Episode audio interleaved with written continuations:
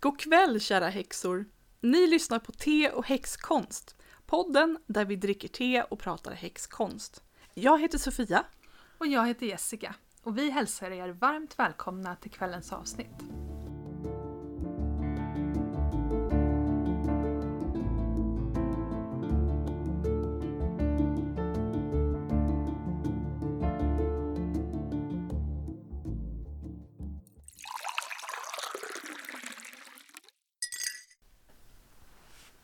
Vad, har- vad har du för te idag då?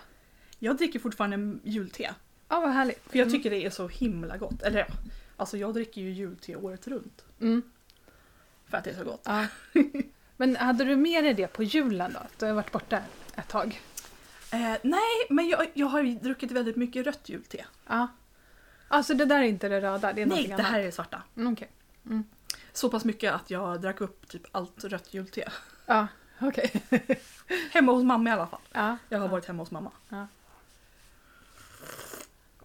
Vad dricker du för Ja, det? men jag dricker Mareld igen. För att Mm. jag var, köpte Mareld på vägen hit. Ah, Så jag åkte förbi Farsta Färskt centrum. härligt. Mm. Färskt Nice. härligt, härligt. Men jag har ju haft corona då under jul, eller efter jul och över nyår och sådär. Eh, i, jag var sjuk i en vecka ungefär och det var Mm. inte så farligt. Det var eh, influensasymptom. Um, fast man, man hinner ju tycka väldigt synd om sig själv Ja. under tiden. Mm. Men vi tappar smaken, både jag och min man. Mm, jag vet inte om jag har berättat det för dig. Ja, men jag tror du sa det. Ja. Mm. Eh, så det, det var några dagar där, så- han var några dagar före mig hela tiden i allting, i alla Mm. symptom. Mm. Så. Eh, ehm, så några dagar så hade vi ingen, eller luktsinnet är ju egentligen, för smaken, ehm, han tyckte att han tappade smaken ett tag, men jag kände ändå salt och sött och sådär. Mm. Men luktsinnet försvann och eh, det var ju lite konstigt liksom att sitta och äta mat som inte Mm. eh, som inte smakade någonting. Eh, och det var någon, vi åt glass någon dag och då gjorde han en chokladsås. På, vi hade smör i kylen och så hade han kakao i och, och lite sådär. Och det var så himla äckligt. För då, det var bara det här liksom bittra från chokladen.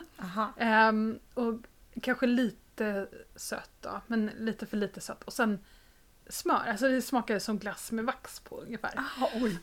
Det var jätte, jätteäckligt. Och det absolut tråkigaste var ju att teet inte smakade någonting. Ja, nej men eller hur. Mm. Hemskt. Så att, eh, det vart inte så mycket julte.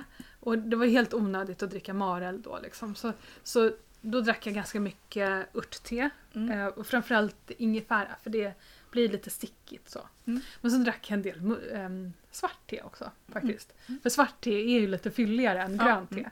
mm. Eh, så det har varit mycket svart te nu under. Och sen efter ungefär en vecka fick jag tillbaka smaken. Mm. Mitt under en middag. Jaha. Det var så här, jag åt, han hade... Eh, jag säger han, det är min man som lagar maten hemma. Eh, jordnötter i, det var liksom en sås med kokos och, och grejer. Så hade han jordnötter i. Så jag åt några jordnötter innan middagen och kände ingenting. Och sen efter middagen så tog jag några jordnötter igen och då smakade Ah, jordnötterna. Så det var verkligen mitt under middagen. Jättemärkligt. Mm. Men jag, jag frågade dig nu innan eh, om du kände någon lukt av den nya påsen. För det brukar lukta så otroligt eh, jättehärligt med Mm. en absolut helt ny påse med te. Och jag känner inte så mycket så jag tror inte jag har fått Mm. tillbaka hela faktiskt. Mm. Det är lite intressant det där med att man tappar luktsinnet för det gör jag varenda gång jag är förkyld. Jaha, är det sant? Ja. För jag, för liksom, när jag är förkyld då är det liksom ingen idé att dricka kaffe för jag känner inte doften och då är det inte gott. Nej. Jag har liksom aldrig varit med om det förut. Mm. Tyckte det var jättemärkligt. Ehm, men så tänkte jag lite grann på att jag, jag tror inte att jag har så himla utvecklat luktsinne. Eh, jag bryr mig oftast inte så mycket om vad jag äter. Jag Mm. vill mest bli, bli mätt. Ehm, så jag tror att mitt luktsinne kanske inte är det starkaste. Och då hade jag så här, ja, men, man, man hinner liksom filosofera så mycket kring det här. Dels hur mycket så här, eh, smakerna i munnen, alltså salt och sött och beskt och, och, och sånt. När de blandas så skapar de ändå smaker som jag, jag kunde inte direkt säga det här smakar sött eller salt utan det blir en, en upplevelse i munnen eh, som man inte riktigt kan liksom kategorisera. Så. Mm. Men sen tänkte jag också på, för jag, jag tror att det var på den här magipodden, så pratade de om att man har olika... ehm, alltså man pratar om clairvoyance eh, och att man får liksom bilder till sig då om man är medial. Men det kan ju också vara att man hör röster och hör liksom inom sig. Och många är liksom har den här känslan. Eh, det är väl det som är mycket intuitionen, att man liksom känner, får Mm. känslor till sig. Men så kan man ju också få dofter eh, och smaker. Och sen finns det den här clair conscience eller någonting så här, tror jag att det heter, när man bara vet grejer. Mm. Eh, och då, då, men nu, då gick jag och tänkte på det här så mycket. Jo, för det som de sa på den här mm, eh, magipodden, tror jag att det var, att ehm, eh, det, om, man har, om man förlitar sig väldigt mycket på synen i sin vardag, då är, bli, är, blir man inte så klärvoajant. Eh, om man istället har lite sämre syn, då kan det vara så att ens inre bilder liksom blir starkare. Mhm. Eh, och samma sak med röster. Och, och jag har faktiskt en del så här att jag får doftförnimmelser. Mhm. När min pappa dog, då, kunde jag, då kände jag röklukt för han rökte väldigt mycket ända in i det sista. Eh, så, så, på liksom helt märkliga ställen och liksom inne i min lägenhet. Och så kände jag att ja, men nu, nu är han här, liksom, Mm. det luktar han och så. Och får ganska mycket så här doftförnimmelser. Ehm, Så det var lite roligt. Så då tänkte jag så här, det här, det här är något som jag måste utveckla lite grann. Jag Mm. har liksom inte tänkt på att det faktiskt är en, en eh, medialitet och liksom en tillgång. Så. Mm. Får du, har du, varit med om det? Eh, Konstiga dofter? Ja men alltså att du får liksom en känsla av en doft eller att du liksom... Jag tror inte det. Nej. Jag höll på att säga, eh, du har läst eh, Psychic Witch. Ja, för han skriver ju också om... Ja men precis, det är därför jag blandar ihop det. Jag vet inte riktigt då var någonstans, om det var där jag läste det eller om det Mm. var... Mm. Precis. Men får du... För, för det som han skrev om också, det var att, eh, att man kan få... ehm, ibland kan man så här plötsligt höra sitt namn någonstans. Det, det har jag varit med om väldigt många gånger. Eh, och då är det liksom den här clairaudiansen som Mm. håller på att utveckla sig. Eh, Men jag har aldrig riktigt tagit fasta på det. Så, har du varit med om det? Ja, det har jag nog. Mm. Ja. Att, någon, att helt plötsligt så hör du någon som säger Sofia. Mm. Mm. Alltså jag har, inte jag har eh, alltid tänkt på mig själv som inte vidare känslig för sånt. Eh, men jag tror att jag kanske är det. Men, men jag tror att det beror på att jag inte riktigt vet vad det handlar om. Mm. Eh, vi, prat, vi pratade om en bok som heter Psychic Witch av Matt Oren. Mm. Och eh, Jessica har den och jag har precis fått den i julklapp. Mm. Så, Just mm. det. Och han har, men stämmer det att han har så övningar för att utveckla ja, sina precis. olika psykiska sinnen? Absolut, det har han. Ah, Mm. kul. Mm. Det måste jag prova. Jag tycker att den är väldigt... Vi skulle kunna ha ett, eh, ett avsnitt där vi pratar om den. Diskuterar den boken. Absolut. Eh, Jag tycker att den, den är väldigt fokuserad ändå på, på just clairvoyansen. Eh, Men, men han försöker ändå liksom få in att man kan använda sina andra sinnen. Mm. Ja. ja, men den går jättelångsamt. Jag har hållit på med den sedan i höstas. Att det går långsamt det behöver inte vara något negativt. Utan det handlar ju om att jag Mm. behöver lite tid på mig och ta till mig alla, varje grej. Liksom, så. Mm.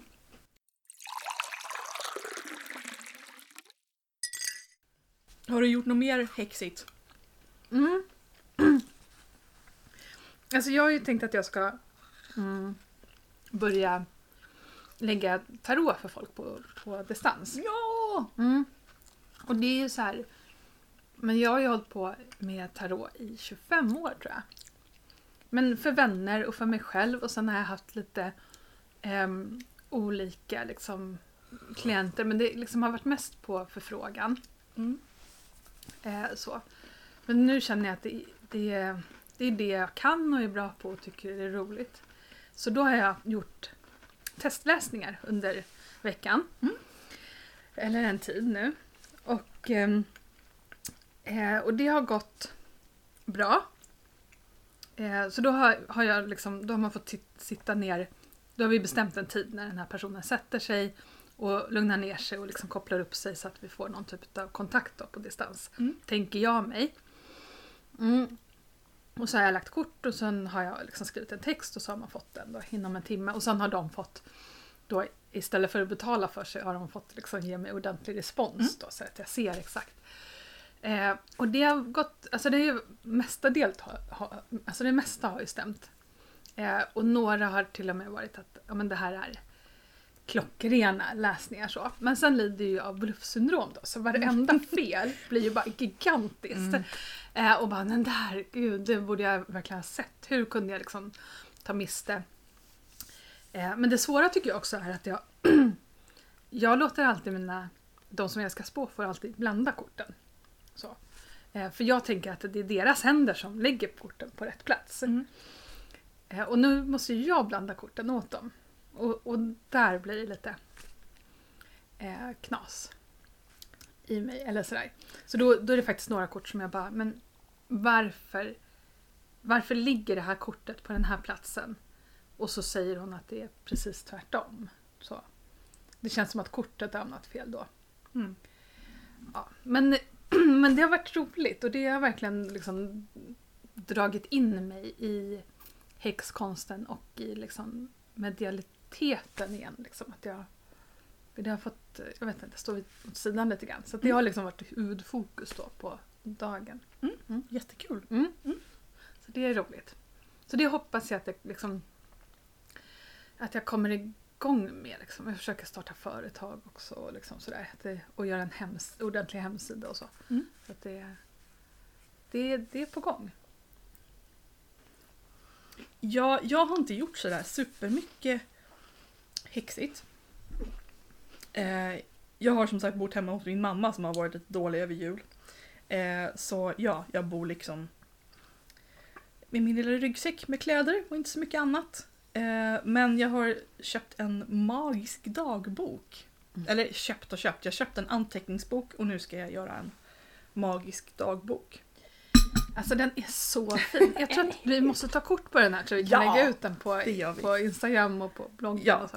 Jag har alltså unnat mig en sån här paper blanks, jättesnofsig eh, Alltså, är, det små speglar i, liksom, Jag vet i inte. dekoren här? Men det glittrar lite Det i alla glittrar, fall. alltså, det är ja, så den är jättehärlig. Mm. Och det är en sån här prickig som man Mm. gör bullet journal på. Mm. Så det finns till och med en sån här eh, indexsida. Mm. Och så är det sidnumrerat också. Mm. Och sen så fick man med en, en sån här plast, eh, jag vet inte vad man kallar det, men en platta med massa figurer som man kan använda som Typ. stenciler. Ja. Schabloner? Schabloner, Eller ja. det så? Jag vet inte. Jag vet inte. Mm. Ja, nej men det, så den här var verkligen, den, den var inte lite dyr men den var värd pengarna. Mm. Och så har jag börjat att göra, tanken är att jag ska hålla reda på eh, vad jag gör för magiska saker och lite drömmar. Mm. Och även så lite dagbok. Mm. Om jag liksom får några insikter under dagen så vill jag Mm. kunna skriva ner det. Så nu har jag börjat här med januari vecka två. Mm. Eh, ja, det är, när det här avsnittet kommer ut är det väl snarare vecka tre. Men nu är det, har vi börjat med vecka två här. Mm. Så jag har skrivit lite, gjort en mall för liksom dagarna och jag har markerat nymånen och skrivit ner vilka kort jag har dragit på morgonen.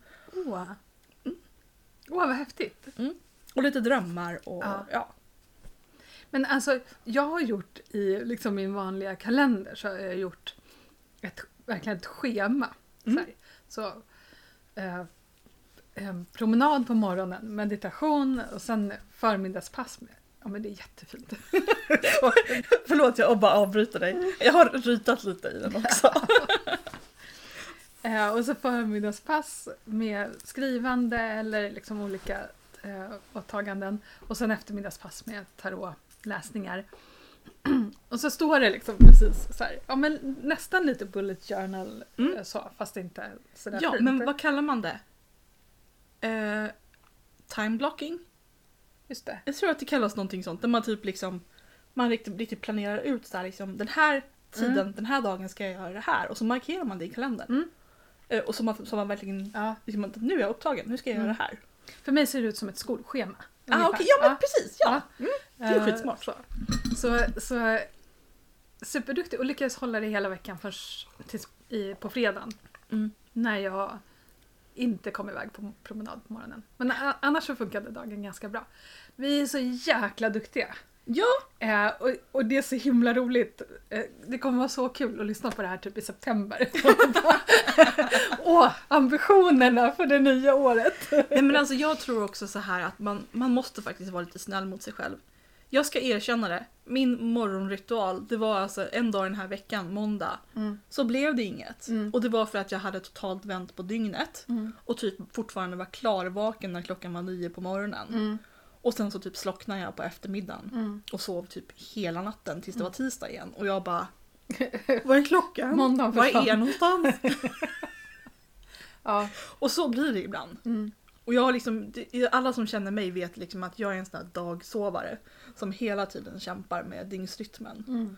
Så att liksom, Mm. jag måste lära mig liksom att förlåta mig själv lite för det. Ja, precis. Det är jätteviktigt att man Mm. inte är så hård mot sig själv. Mm. Det är precis det som vi har pratat om med det här bluffsyndromet. Att man, att man måste vara lite schysstare mot sig själv hela tiden. Mm. Apropå vad vi har gjort för häxigt så har jag en utmaning till dig. Till mig? Ja! Därför jag, jag eh, hittade nämligen ett blogginlägg häromdagen. Det är en, en häxa i USA som har em, häxläsningsutmaning under februari. Och då tänkte jag, vad sägs om att vi läser häxböcker under februari? Ja, Ja!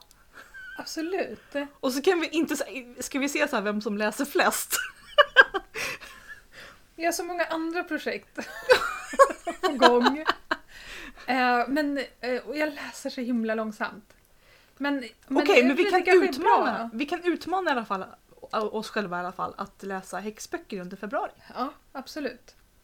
Och... eh, Men det kanske är bra för jag är lite dålig på att ge mig själv tid till att just läsa. Mm. Men då kan jag ju så här, ja men nu får kvällarna vara läskvällar. Mm. Istället för att slöa framför gamla Simpson-avsnitt. Och jag är så dålig på just att plocka upp mina häxböcker och läsa dem. Mm. Jag vet inte varför. Ehm, ja, precis. Ja. Och om det är någon lyssnare där ute som vill hänga på så naturligtvis. Mm. Det är bara att köra hårt och så Mm. kan ni eh, kommentera eller mejla oss och säga och berätta vad ni läser för häxböcker. Ja, jättebra. Mm. Oh, blogginlägg. Ja! Mm.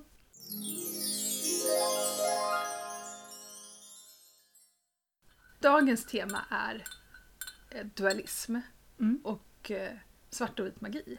Mm. Som vi båda två är väldigt tveksamma till. Mm. Att överhuvudtaget göra den distinktionen. Mm. Eller hur? Visste du det också? Ja, nej men alltså hela den här liksom bara orden svart och vit. Mm. Eh, och att man liksom kopplar saker till att man på något sätt man beskriver vit magi som någonting som bara är gott och svart magi som någonting som bara är ont. Mm. Med citattecken i luften. Mm. Eh, för jag är ju en sån där person som jag, jag gillar att fundera på det här med gott och ont och eh, jag tror inte att saker är så klara som man tror. Mm. Alltså det finns så mycket att säga om det här. Alltså man ska gå in på liksom vad som är gott och vad som är ont. Men, men kan vi inte börja med att, att, att prata om vad, liksom, eh, vad, vad pratar folk om när de pratar om svart och vit, vit magi? Och varför, varför vill man göra den åtskillnaden egentligen? För det, jag tycker att det är ganska vanligt i häxcommunityt att man, kanske framförallt i Sverige, att man Mm. pratar om att man är liksom vit häxa eller Jag tror att det är ganska vanligt lite Ljud. överallt Ja. faktiskt. ljushäxa Ja. är det många som pratar om. Mm.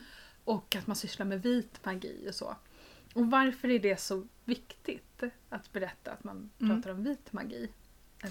Alltså, folk, alltså det bygger ju på den här idén om att vit magi är, då är man bara, då gör man bara goda saker, snälla saker. Men vad är goda saker då? Nej men så här, hjälpa folk och liksom Mm. så här, ganska harmlösa saker medan eller kanske först och främst så är vit magi motsatsen till svart magi. Mm. Och vad är svart magi Och då? svart magi är då så när man typ eh, kastar förbannelse på folk och Mm. liksom förhäxar dem och eh, Mm. ja, liksom väldigt offensiv magi skulle man kunna säga. Mm. Medan man då om man håller på med vit magi så gör man inte det. Mm. Eh, och och då... Ja, jag försökte leta efter de- liksom, definitionen av svart magi och då hittade jag någonstans att det skulle vara att man använder sig av onda väsen för att göra skada, tror jag. Någonting Mm. sånt. Eh, på andra människor. Mm. Men då är ju... Eh, för jag, jag vill ju hell, hellre prata om konstruktiv och destruktiv magi. Mm. Alltså att man bygger upp någonting med magin eller att man bryter ner någonting. Och ingenting av det här är ju va- varken ont eller gott. Alltså man kan ju använda den i vilket syfte man vill. Så att om jag till exempel har en, en, eh, ett problem som jag vill bli av med, då använder jag ju destruktiv magi. Mm. Och det är också i cyklerna då. Efter, eh, när månen är avtagande, då ska man släppa saker och, och, och så. Mm. Ehm, och om jag vill dra till med någonting så är det konstruktiv magi. Jo men om man säger så här, alltså när man blir häxa och börjar umgås i de kretsarna, eh, umgås i de kretsarna, när man blir häxa så får man ju snabbt en uppfattning om vad man får göra och vad man inte får göra. Det Mm. fick i alla fall jag. Nu vet jag inte om det kanske är annorlunda nu för tiden. Men eh, väldigt länge så har det ju funnits den här eh, och, liksom, uppfattningen om att man gör inte vissa saker. Man sysslar inte med demoner. Man kastar inte förbannelser på folk. Mm. Mm. Eh, och att, och liksom att det på något sätt är liksom lite förbjudet. Och det är att vara liksom att hålla på med svart magi. Eller Mm. mörk magi.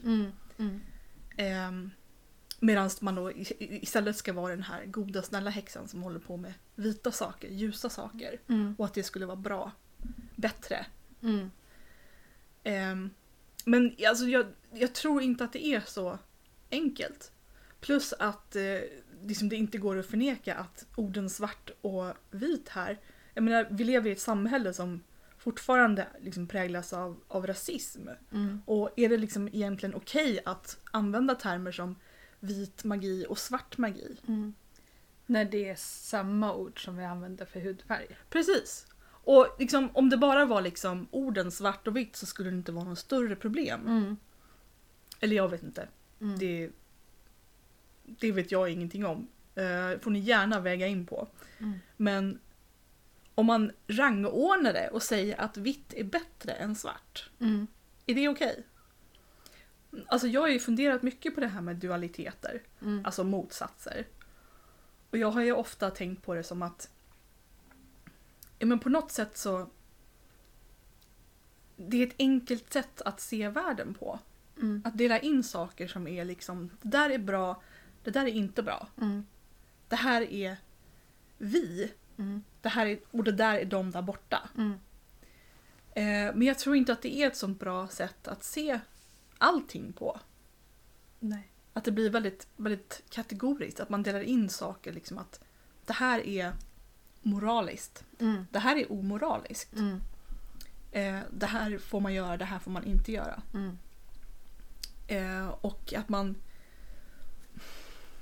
man gör det på ganska lösa grunder. Mm. Ja men verkligen. Men det är ju det är klart att det är väldigt lätt att hålla sig till ett system hela tiden. Så, för att luta sig mot att man bara, här har jag ett regelverk. Och då, Ja.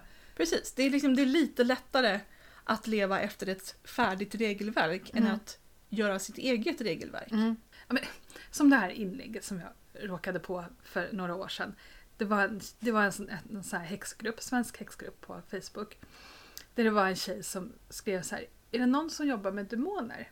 Mm. Eh, och då är det så här 50 kommentarer som bara Oh nej, det ska du inte göra. Det är farligt. Usch, usch, usch. Och, och oh vad dumt. Och du, vi sysslar bara med ljus magi här och sådär.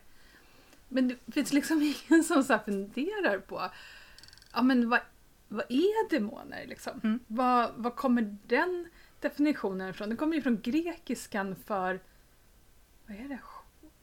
Själ, ande eller Alltså från början så var ju demoner, och då snackar vi liksom inte, vi snackar snarare daimoner. Ja. Det var ju liksom vägledande andar. Ja, men precis. Alla hade Ja. en, en, en liksom demon som, Ja. som vägledde dem genom livet. Ja, precis. Och sen liksom i, eh, om man tänker alla folktroväsen i Sverige, kallade ju kyrkan för demoner. Mm. Eh, så, Och sen kommer kristendomen där och bara demoner, det är djävulen, det är liksom helvetet, det är bara ont. Hennes kommentar, var, hon verkade ganska ung, eh, var sen så småningom att nej, men de beskyddar mig. Ja. Mm. Och, och folk bara oj oj oj, du får beskydd från liksom onda väsen och, Mm. från fel håll och så här. Men jag, jag tror att, alltså att vi är ju, alltså, även om vi bor i Sverige som är så här ganska sekulärt så tror jag liksom att man, man är ju ändå på något sätt uppvuxen i ett kristet samhälle och jag tror att man fortfarande är ganska präglad av det. Mm. Och därför så blir det så här, för kristendomen är ju väldigt så här liksom, det här är ont och det här är gott. Mm. Det är antingen eller. Mm. Och jag tror att vi fortfarande kan vara ganska präglade av det. Ja. ja. Och då får man den här ehm, automatreaktionen bara, åh nej, inte demoner. Jag vet, men jag tycker ändå att det är så, det är så konstigt att man liksom tar på något sätt, alltså att välja att vara häxa är ju verkligen att välja ett, ett utanförskap eller att liksom ta en icke upptrampad väg på något sätt. Ja. Och att man inte då ens funderar över vad, liksom, vad, vad är, vad tro, tror jag på demoner och vad är en demon? Och det, det kan ju hända för sig att alla de här 50 personerna eh, har upplevt onda väsen men då kommer återigen det här, vad är ondska? Alltså, jag, jag har så himla svårt att tro på att det finns väsen eller en djävulen för den delen som har, vars drivkraft kraft är att eh, göra men, liksom, människor och naturen och djuren illa av ingen annan anledning än att jag vill göra ont. Eller jag, jag vill göra folk illa. Liksom. Mm. Att, eh, att det skulle finnas liksom, väsen som bara är ute efter att skada.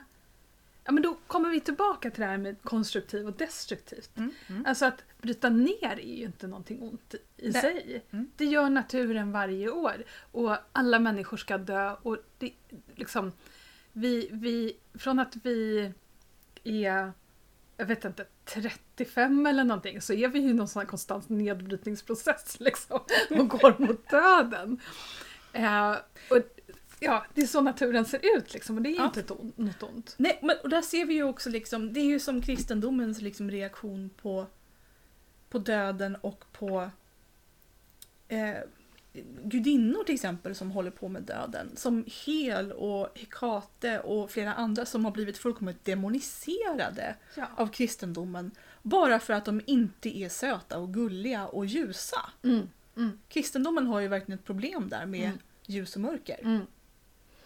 Och då tänker jag så här, om man då tar liksom den klassiska bilden av häxan som någon som eh, ska skada andra av ingen anledning alls. Alltså och, ibland, och, det är ju, och det är ju faktiskt en nidbild. Mm, ibland så snor de ju mjölk av grannarna. Ja. Då har de ju åtminstone någon, någon vinning som man kan förstå sig på. Men att bara förstöra skörden för grannarna, det fattar Ja. man ju inte.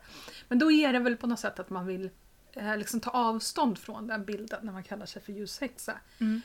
Men jag har läst en förklaring på det där. Att ehm, på 80-talet när ehm, jag kommer inte ihåg om det var Vicka eller om det var gudinnerörelsen som började gå framåt i USA. Eh, och de blev mer och mer populära så var de en del av ledarna inom rörelsen var väldigt oroliga för att de skulle uppfattas som just den här de läskiga häxorna. Eh, och därför så tonade de ner sig Mm. och påpekade väldigt starkt hela tiden ja men vi sysslar bara med ljus. Vi, sysslar vi är inte de där hemska häxorna. Delvis för att de var liksom rädda för att Ja. de, de kristna människorna i USA skulle få spader. Liksom. För det får de ju. Alltså, vi har ju en helt annan situation här i Sverige Mm. faktiskt. Men jag tror att det kan vara lite så här i Sverige också. Mm. Att man är väldigt rädd för att uppfattas som den här nidbilden av häxan. Mm. Och därför så understryker man ja, men jag är en snäll häxa. Mm. Jag är en ljus häxa, jag gör bara snälla saker. Ja. Men, alltså, jag försöker hela tiden på något sätt ta mig bort från alla de här eh, gubbarnas häxkonst. Ja. Eh, men man, man saknar ju Crowley lite grann i det. Ja. Eller hur? Han bara, jag är djävulen. Han var Låt inte oss testa alla gränser. Och... Jag menar, vad, vad han än var så han, han var ju inte lagom. Nej, verkligen inte. Och han hade inget behov av att visa liksom att jag är en god häxa. Tvärtom, han bara jag är ondskan själv. Jag har all makt på jorden.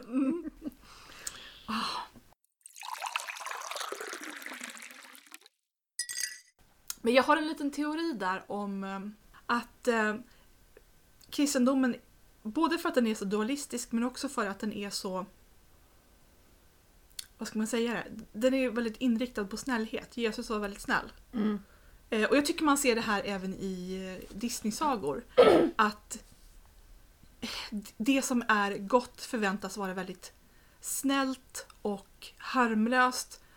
Och om, det, om någonting inte är det så slår det över och blir automatiskt ont. Mm. Det är ungefär som med älvor, liksom att um, älvor och uh, väsen i folktron, de är neutrala. Mm. De är liksom, de Just är varken det. jättesnälla eller jätteonda, de är bara neutrala. Som naturen. Ja, Mm. och när man då är van vid att grejer ska vara väldigt snälla Mm. så blir neutralitet Mm.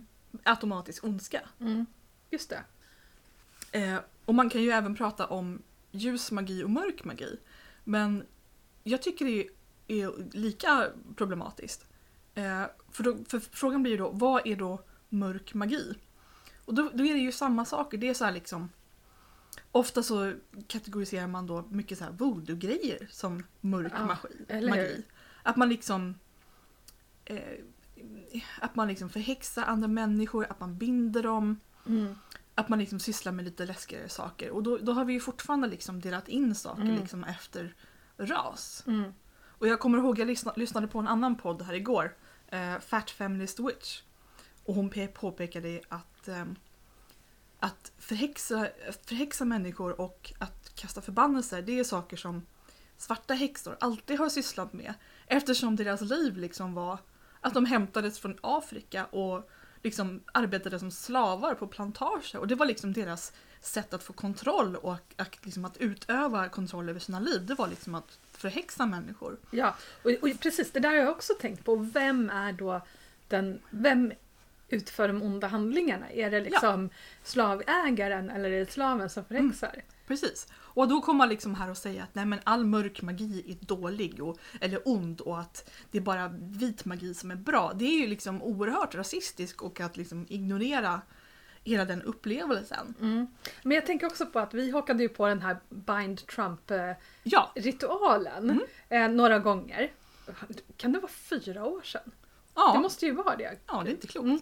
Jag tror till och med det är mer än fyra år sedan. Nej det var Nej, det måste vara fyra år sedan. Ja. För nu, det var ju precis när han hade liksom eller blivit president. Mm. Eh, och, då, och, och det kan man ju också se, alltså det skulle man ju verkligen kunna se på som svart magi då. Att vi försöker binda honom. Nu var ju hela ritualen var ju att jag, jag binder dig från att eh, göra, skada människor, djur eller natur eller någonting Mm. sånt där. Eh, och det har ju på något sätt ett gott syfte men det är ändå att man binder en annan Mm. person. Och det var ju många på internet som var liksom så här alldeles jätteupprörda. Nej men gud, man kan inte hålla på och binda människor. Det är skitdåligt. Det här är Mm. liksom dålig magi. Det är ond magi det här. Mm. Mm. Medan liksom vi då snarare tyckte liksom att ja men ondskan här, det var ju Trump. Ja men precis. Och så här fyra år senare så, ja. Ja. det hade man ju rätt i. Precis, och det... Ja. jo men jag tänker också så här, hur mycket... Tänk om han hade, kun, han hade kunnat göra mycket mer skada tror jag.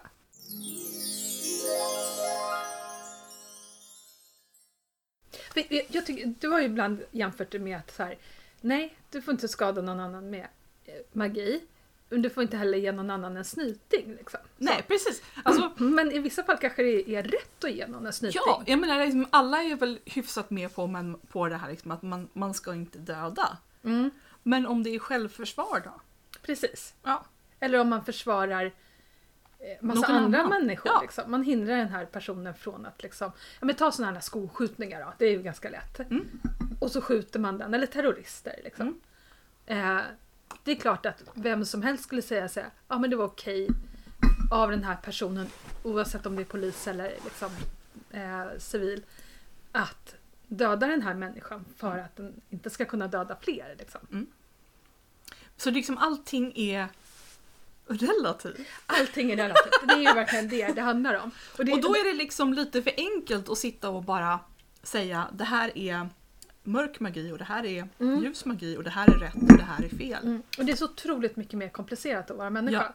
Och då kommer jag in på en annan serie. Har du sett sista säsongen av The Good Place? Eh, ja, Ja. då kommer de i alla fall fram till att, för då har man, man liksom kriterier för att komma till antingen till himlen eller helvetet. Mm. Och så har man en lista på alla sina handlingar och så är de indelade i goda eller onda. Eller, liksom, man får poäng efter hur liksom, goda eller onda, dåliga eller bra konsekvenserna blir av de här handlingarna. Mm. Och det är liksom ingen som har pluspoäng. för att de kommer på då sen att men det är alldeles för komplicerat att vara människa. Ta den här personen till exempel. Han köpte en mobiltelefon till sin pappa så att pappan kunde ringa till sina barnbarn för att han bodde långt ifrån barnbarnen. Mm. Jättefin handling. Ja, men då visar det sig att så här, mobiltelefonen är eh, gjord av eh, barnarbetare och att människorna i gruvorna som har liksom utvunnit met- metaller har eh, mått jättedåligt och det är något storföretag som man har köpt den här mobiltelefonen ifrån som bara gör hemska saker. Mm. Så att poängen blir liksom jätte, jättemycket minuspoäng. Mm. Men jag tycker att det är en väldigt rolig, rolig grej att alla ens handlingar har liksom men det är inte så lätt att veta vilka konsekvenser. Alltså ibland är det jättelätt att veta såklart. Alltså om jag ger dig en, en örfil nu Mm. så får ju du ont. Så. Eh, men, men ofta så är det inte så lätt att veta. Mm. Jag tänkte att jag skulle vilja prata om det här med eh, lagen om tre. Ja! Jag kommer inte ihåg vad den heter på svenska. Ehm, Eh, men att eh, allt du gör kommer tillbaka till dig själv tre gånger. trefaldigt. Ja. Mm. Men jag tycker den är så egoistisk på något sätt. Det är som att så här, du ska inte göra dåliga saker mot andra för då kan du själv utsättas för dåliga saker. Alltså, jag har ju problem med, med karma överhuvudtaget så jag gillar inte den lagen. Men, men det, som- jag måste bara, det som jag menar är att så här, eh, jag ska väl inte jag ska väl låta bli att slå dig för att jag inte vill att du ska ha ont. Ja, precis, inte för att ja. jag kommer bli slagen tillbaka precis. tre gånger. Jag ger dig en snyting så får jag tre snytingar tillbaka. Ja men precis, ja. Eh, för det där har jag också funderat på. Liksom, det är ju inte så att jag inte ger dig en snyting för att jag inte vill att du ska slå tillbaka. Nej, Det är ju så hur? att jag inte ger dig en snyting för att jag tycker att det är fel och inte vill skada dig. eller hur? Ja. Ja, det verkar som så många liksom är, kanske många kristna då kanske jag ska förtydliga här. De är så inriktade på att man, man gör inte saker som är fel för att det har konsekvenser.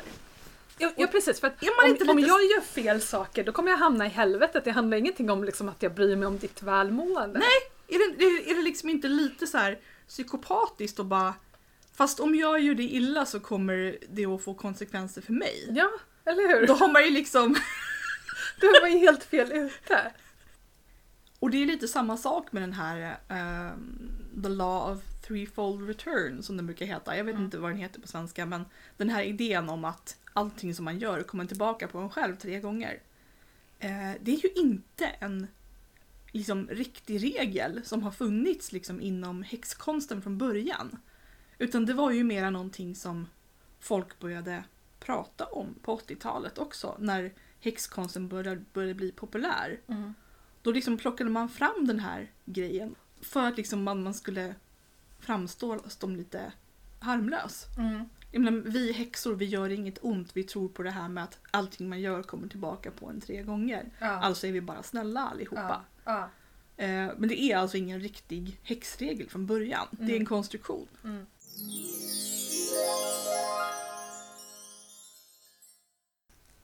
Och när vi ändå pratar om eh, svart och vit magi eh, så kan det finns ju även ett eh, uttryck inom magin som heter high magic och low magic. Och eh, grundbetydelsen är ju bara att man beskriver vad det innebär. High magic det var det som folk sysslade med i städerna.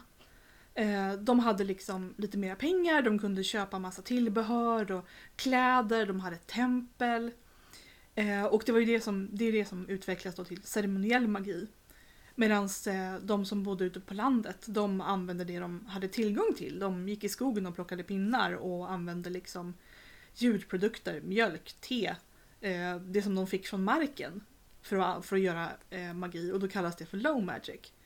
Eh, problemet är ju då att folk kommer in och bara helt plötsligt säger att high magic är finare. Mm. Eller när man liksom börjar jämföra det med att high magic är överklass och Mm. low magic är underklass. Mm. Och man börjar liksom sätta in en hierarki där. Mm. Och då är det ju, som, det är ju det är också väldigt problematiskt. Mm. Men det är också, precis, det finns ju också en värdering i det höga och det låga. låga Ja, eller hur? Man precis. står högre upp i samhället. Ja. Samhällets botten. Mm. Eh, jag har nått botten. V- vad använder man mer? Hö, högt och lågt. Liksom. Att det högre är... Ja, det strävar mot himlen och himlen är alltid bättre än underjorden. Mm. Jag gillar folkmagi. Jag är inte så mycket för det här med ceremoniell magi. Nej. Inte riktigt min eh, grej. Eller så. Jo men det kan vara kul också. Men, men framförallt så är det liksom det folkliga som jag Mm. är intresserad av.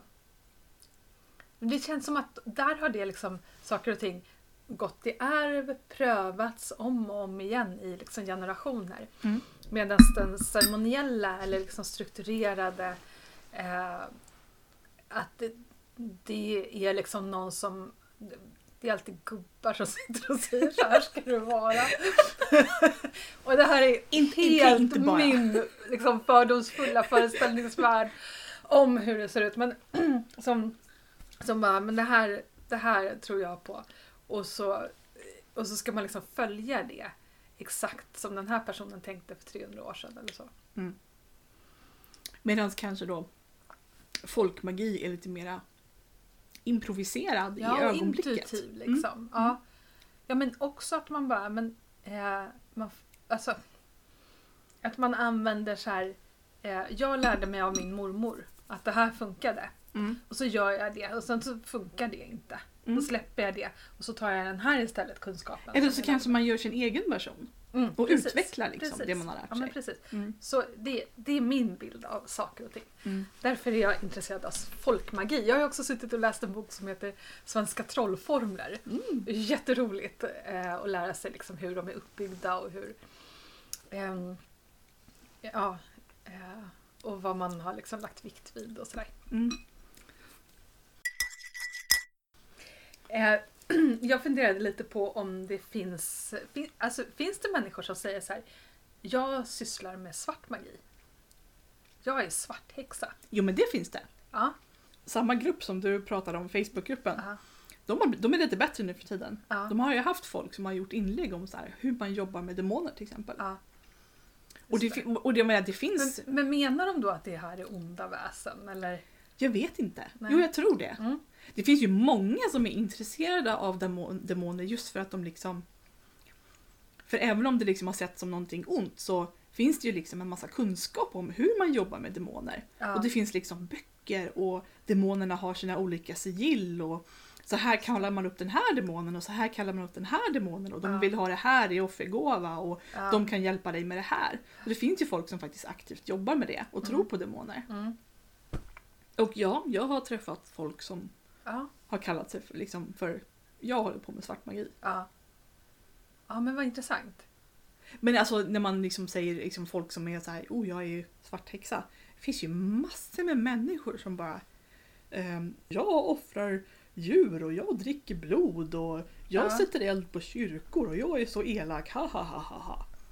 Men alltså det är ju mest liksom för mig så framstår, framstår det mest som effektsökeri. Eller hur? Lite prov... Ja, men som killen på, var det på TikTok som bara Jag har förbannat månen. Jag såg att den blev lite suddig när jag gjorde det. Nu ska jag förbanna hela älvriket. Och man bara, "Mm, snälla rara människor. liksom? Mm.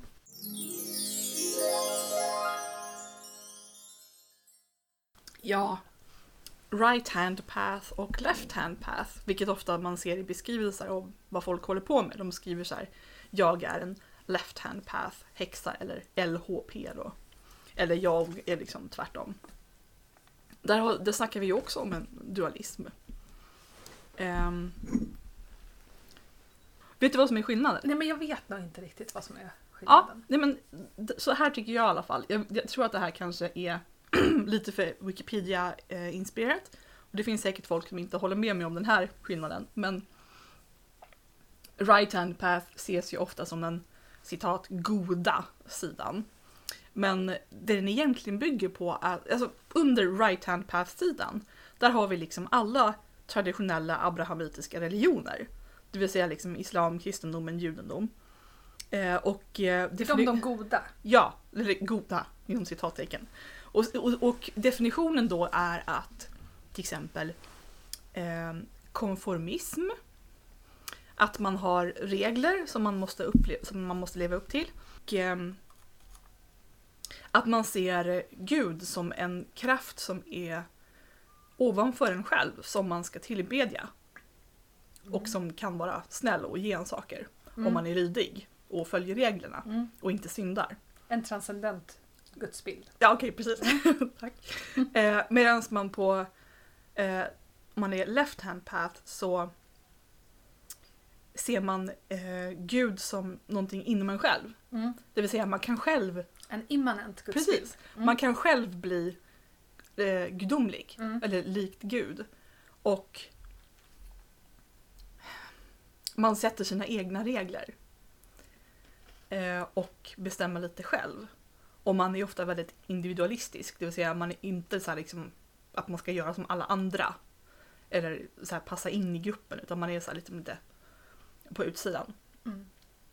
Eh, och där finns det ju tror jag många som tänker så här att jag är left hand path, oh då är man läskig. Då ska man hålla på liksom och börja och dricka blod och lyssna på norsk eh, dödsmetal och man ska liksom ha gethuvuden överallt och man går omkring och är ohyfsad mot folk för att man är left hand path och så här liksom torterar katter och sånt. Men då tror jag liksom att man har liksom uppfattat det här helt fel. För man kan vara left hand path och vara skitsnäll. Som jag till exempel. Men alltså jag tycker att om man är... Eh, alltså om man ser, om man har en immanent gudsbild. Eh, det är ju så som många ser gudinnan, alltså goddess. Mm. Eh, att liksom det är ja, men världssjälen, typ, tänker jag. Mm. Då borde man ju vara mer så här, ja men jag, jag är ett med allt och allt är ett med mig. Eller hur? Då borde man inte vara så himla individualistisk. Ja, det kanske, det kanske inte handlar om individualism direkt men just det här med att man, att man liksom motsatsen till att vara en del i en grupp. Okej, att liksom, eller att följa, följa regler kanske. Precis, Mm. att följa, följa John. Ja. Eh, och att just Left Hand Path också har väldigt hög fokus på kunskap. Mm. Och att man kan liksom leta efter sina egna svar. Eget ansvar Eget kanske. ansvar, ja. precis. Och man kan liksom leta efter kunskap medan man på Right Hand Path ofta har, det finns redan kunskap, till exempel Bibeln. Mm. Och det är allt du behöver. Mm. Och du behöver inte lära dig något mer. Mm. Bara du kan reglerna. Ehm, så det, där, det här är i alla fall min definition på skillnaden där mellan höger Mm. och vänstra Mm. vägen. Ehm, och då finns det ju folk som envisas med att säga att de är precis mitt emellan. Ja. Vilket gör mig fullständigt galen måste jag erkänna. För jag tycker liksom att Ja. antingen så eh, följer man flocken eller så gör man inte det. Det finns liksom inget mitt emellan. Ja. Antingen så, så tillber man en gud eller så tror man att guden är inom dig själv. Ja. Det finns inget tvärtom. Eller det finns inget mitt emellan. ja, men kanske. Ja, kanske. Jag har väldigt problem med den här transcendenta gudsbilden. Mm. Alltså att Gud är utanför, är upphöjd, är någonting som jag måste dyrka. Alltså vad är Mm. grejen med det? Att man ska... Alltså det här stora och mäktiga, det funkar om det är en immanent gudsbild. Alltså att jag är en del av någonting jättestort. Liksom. Och att jag kan känna den här mäktigheten inuti mig själv och känna att jag är en del utav det här stora och mäktiga.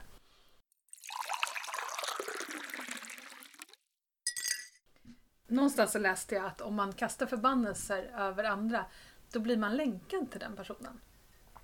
Det kan jag tänka mig. Ja, och i min ungdom när jag var olyckligt kär och eh, oförstående så gjorde jag någon, någon liksom jag vet inte, det var någon väldigt intuitiv grej i liksom vredesmod. Eh, och det var inte för att skada, det var nog för att han liksom skulle komma tillbaka tror jag. Eh, och där var det liksom att jag bara drömde mardrömmar, jättekonstiga grejer om honom liksom långt efteråt och sådär. Eh, så att jag till slut bara, och, också kom på att jag hade gjort den här grejen efter typ ett år och bara, men det här, Mm. oj oj oj, det här påverkade ju bara mig. Mm. Eh, och fick göra någonting då för att rensa ut det här. Mm. Så, och jag tror inte att det påverkade honom nämnvärt faktiskt. Eh, så så att det, det där tror jag lite på faktiskt. Ja men jag tror definitivt att det ger en koppling. Ja. För det är en av mina så främsta motiveringar till varför jag inte håller på med sån magi. Mm. För att jag liksom inte tycker att det är värt det. Nej, precis. Och jag menar, om jag var liksom i en betydligt liksom, värre situation, om vi snackade liksom att jag ville hämnas på någon som hade liksom förgripit sig på mig och sånt där, Ja, då hade det ja. varit en annan sak. Ja. Men att liksom kasta... Men jag tänker så här, vill man verkligen, är det hämnas man vill göra? Skulle man inte hellre vilja få den här personen att förstå Mm. all den smärta den har utsatt Mm. den för? Det tänker jag. Ja, men jag tycker också liksom att men det är lite precis som drama. Jag tycker liksom, jag, jag, jag tycker liksom att är det liksom värt att hålla på med att skapa massa drama Mm. runt en person? Just det. Är det inte egentligen bara bä- bättre att släppa den personen? Mm. Och då blir, det blir lite samma sak med, med liksom att hålla på och förhäxa dem. Mm. Liksom, är, det, är det här verkligen värt besväret att fortfarande sitta fast i den här känslomässiga... Att man fort, faktiskt Ja, fortfarande bryr sig precis. om personen. Ja. Att man, liksom, man har ett känslomässigt band som man Ja. inte kan komma loss från. Är det inte bättre att bara skära av det bandet då? Ja. Och låta dem vara? Istället för att Precis. hålla på och kasta för, liksom, förbannelser fram och tillbaka. Precis. Ja precis, det rimliga hade ju väl varit av mig att liksom göra någon typ av reningsritual, försöka rensa ut den här relationen och sen liksom eh, öppna upp hjärtat för ny kärlek. Liksom. Så. Mm. Eh, ja, absolut, jag håller med. Och jag menar, det är inte som att jag säger att... Jag försöker absolut inte säga att alla liksom... Eh, att förhäxa folk och att kasta förbannelse, att det är liksom alltid är dåligt. Absolut inte. Det finns definitivt situationer där det är helt berättigat att, eh, att förbanna någon. Men Mm. jag har hittills inte varit med om en situation där jag tyckte att det var värt besväret. Mm.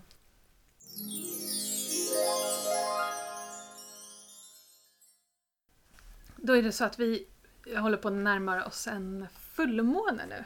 Mm. Det är ju eh, om det är på onsdag eller torsdag eller någonting sånt där. Och det är den första fullmånen efter den första mörkarmånen efter vintersolståndet. Mm. Och då firade vikingarna midvinterblot. Mhm. Och det är många som tänker sig att det är på vintersolståndet som är midvinterblotet. Och det är nog så som man har liksom tänkt sig tidigare liksom, ja, på 1800-talet när man skulle stoltsera med sitt eh, förflutna. Men nu, alltså, nu för tiden så tänker sig forskarna att det är just den här första fullmånen, eller första fullmånen efter första nymånen efter vintersolståndet. Alltså. Mm. Ehm, och den infaller ju då eh, någonstans senare delen av januari. Kanske till och med första dagen i februari. Mm. Och jag tänker att det är liksom alldeles nära Imbolc. Mm. Så det har liksom varit det, det nordiska Imbolc. Mm. Ehm, och det är ju verkligen nu som är midvinter. Mm. Det är inte i, eh, till vintersolståndet egentligen. För då, då är det ju inte vinter. Det är samma sak som midsommar. Det är ju inte mitten på sommaren. Mitten på sommaren ligger ju någonstans i juli. Mm. Eh, så det är ju nu som det är som kallast och så. Mm. Så jag tänker mig när, när ja, men, så här bilder från eh, Imbolc, jag tycker att det är kul med Pinterest, det tycker du också. Eh, så då är det så här, ja, men det är lamm och det är typ grönska och så. När man liksom, bilder som folk har målat av Imbolc. Och man pratar om snödroppar och sånt där. Mm. Och det, det är väl den engelska? Eller, För det, i England så ligger de lite tidigare än vad de vi gör i Sverige. tidigare. Precis, så att det dröjer ju lite innan vi är där. Så jag, för mig är det så här. När jag firar Imbolc så firar jag mitten på vintern. Nu har halva vintern gått. Mm. Så. Eh, så att, eh, ja. Ja. Jag firar nog början på våren. ja, du gör det ändå. Ja, för Mm. jag brukar ju säga så här att egentligen är det ganska klumpigt att dela in eh, året i fyra årstider utan det finns ju snarare åtta årstider. Mm. För om man kallar eh, allting mellan december och februari för vinter så är det Mm. ju liksom, det är väldigt olika. Jag Mm. menar i december är det skitmörkt, i februari så har solen kommit tillbaka. Mm. Så för mig handlar Imbolc om eh, förvår. Ja. ja. Sen, sen är ju Sverige är ju väldigt avlångt också. Mm. Så att det är så himla olika med eh, hur det liksom är norrut och hur det är nere i Skåne och sådär. Mm. Ehm, så att, eh, alltså en kompis som la ut en bild från Gotland nu häromdagen och bara Åh, äntligen fick vi också lite snö liksom. Mm, mm. Och vi har ju jättemycket snö här utanför men de har liksom ett pyttelitet lager. Mm. Och uppe i Norrland så är de liksom begravda och kommer inte ut ur sina hus. Eller hur? Så att det är ju vä- väldigt liksom olika. Och det tycker jag också att det är, det är roligt att följa folk på Instagram för att de lägger ut så här vårtecken. Och då är det liksom helt olika tid när våren kommer i Skåne mot eh, uppe i Jämtland och så. Mm. Mm. Jag ska berätta historien om Fenrisulven. Mm. Eftersom att jag tror att alla de här, tänker mig att alla de här mytologiska berättelserna och gamla folksagorna och så eh, egentligen har en, en annan, alltså en djupare mening, en djupare innebörd. Eh, det, det är liksom inte bara historia som ska underhålla. Mm. Så tror jag att eh, i den här berättelsen om Fen- Fenrisulven så är Fenrisulven vintern och snön och kylan. Så nu när jag berättar den här sagan så vill jag att ni tänker er Fenrisulven som kyla och snö. Och då är det så här. Loke hade med sig en hund till Valhall. En valp egentligen, som blev gudarnas husdjur på gården. Han fick namnet Fenris. Men valpen växte till en hund och snart kallades han istället för Fenrisulven. Han höll till ute på tunet och den enda som kunde närma sig honom och ge honom mat var Tyr. Gudarna slutade gå ut. De blev slöa och sura, de åt fläsk, sov och bråkade. Något måste göras. De bestämde sig för att fjättra ulven. En kraftig kedja plockades fram och presenterades för Fenris som en utmaning. Visst var han väl stark nog att bryta den här? Ulven antog utmaningen och krossade kedjan med lätthet. En ny kedja plockades fram, en kraftigare och starkare än som någonsin hade skådats. Men även den slet Fenrisulven isär. Ulven växte och växte och gudarna blev surare och surare. Till slut vände sig gudarna till dvärgarna och bad att de skulle smida en kedja stark nog att fjättra Fenrisulven. Dvärgarna smidde ett band av klampet från kattfötter, kvinnors skägg, bergens rötter, björnens senor, fiskens andedräkt och fåglars spott. Det blev till en, ett tunt och mjukt snöre. När Fenris fick syn på det blev han misstänksam. Det måste vara något lurt eftersom det var så litet. Han gick med på att låta gudarna lägga det om halsen på honom om en av dem höll sin hand i hans mun. Tyr stoppade modigt in handen i Fenrisulvens gap och gudarna kunde binda den jättelika hunden. Men från den dagen hade Tyr bara en hand. Ja, så Imbolc är alltså nästa högtid. Mm, precis. Ja. Ehm, det som jag brukar göra, det är för att jag har en kompis som har sagt att eh, om man tar in blåbärsris innan första februari så slår det inte ut. Men om man gör det efter första februari då får det liksom blad. Mm. Eh, och jag vet inte om det stämmer men hon menar att blåbärsriset vet att det liksom inte är dags att slå ut den. Eh, så jag tar alltid in blåbärsris och så ställer jag det i små vaser eller små, ja, små vaser runt om i hemmet. Och så brukar jag tända vita ljus också. Mm. Så det, för mig är det så här det, det känns som inbolk när det är blåbärsris i hemmet. Och så slår det ut sen efter ett tag och får alldeles här härliga ljusgröna blad. Och så kommer de här fina, vackra, vackra vita blommorna också. Mm. Eh, Så det, det är min tradition. Och ljus är ju verkligen kopplat till, till Imbolc. För här i Sverige så kallas, kallas det ju för kyndelsmässodagen. Och kyndel är alltså, kommer ju från candle. Mm. För i, England, i, i engelskspråkiga länder så kallas det för candlemass. Mm. Just det. Mm. Och så är det väl egentligen, eh, alltså i i den kristna kalendern så är det Marias, eh, Kyrkotagning. ja. 40 dagar efter hon har gett... ehm, Alltså hur Ja. sjuk Hon har- är inte den traditionen? Han bara, här är jag liksom, förlossning, jätteskör, men jag och barnet är liksom inte upptagna i gemenskapen och har liksom inte tillträde förrän efter 40 dagar. mm. Ah, mm, Okej. för, för mig är det faktiskt så lite speciellt med, med inbolk. För det var den första högtiden som jag firade. Ja. Ja, ehm, där i början när jag ehm, började vara häxa så var inbolk en, den högtid som jag visste absolut minst om. Mm. Och därför ett år så gjorde jag tok-research Mm. på internet. Eh, och eh, gjorde mitt allra första altare var Mm. faktiskt i inbolk. Och då läste jag på om eh, Bridget och liksom alla hennes symboler och så här. Och så gjorde jag ett eh, altare med rött och grönt på. Mm. Eh, med ljus. Med eh, någon ljusstake i smide tror jag. Och ehm, poesiböcker. Mm. Ja, vad fint. Mm. Ja, men du har ju ofta haft den ceremonin hos dig eh, i Ja. häxcirkeln, att det har varit du som har varit värdinna för den. Precis, just eftersom jag hade läst på lite där så blev det lite av min favorithögtid. Mm. Eh, Och så är det poesi också, du Ja. skriver ju. ja, för eh, det, det handlar ju om, eh, om Bridget men hennes största områden är ju då barnafödande och familj vilket jag inte riktigt har relaterat till. Men då har jag plockat upp det här med att hon också är diktkonsten och smideskonstens eh, gudinna. Mm. Och läkekonstens också. Ja, och läkekonst. Mm. Ja. Eh, så för mig har jag då mera fokus, fokuserat på poesi och Mm. sånt där. Alltså det, man, man, ska- man ska ju fira det här med att eh, ljuset är på väg tillbaka. Det är Mm. inget som har slagit ut än men någonting under jorden har vaknat till liv. Just det.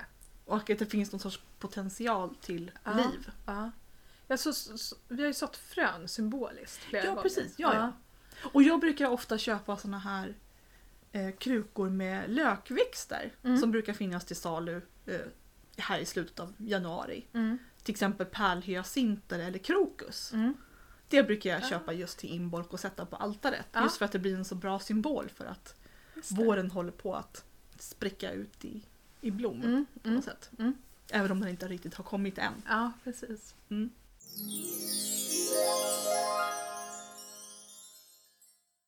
Det var allt för den här gången, kära häxor.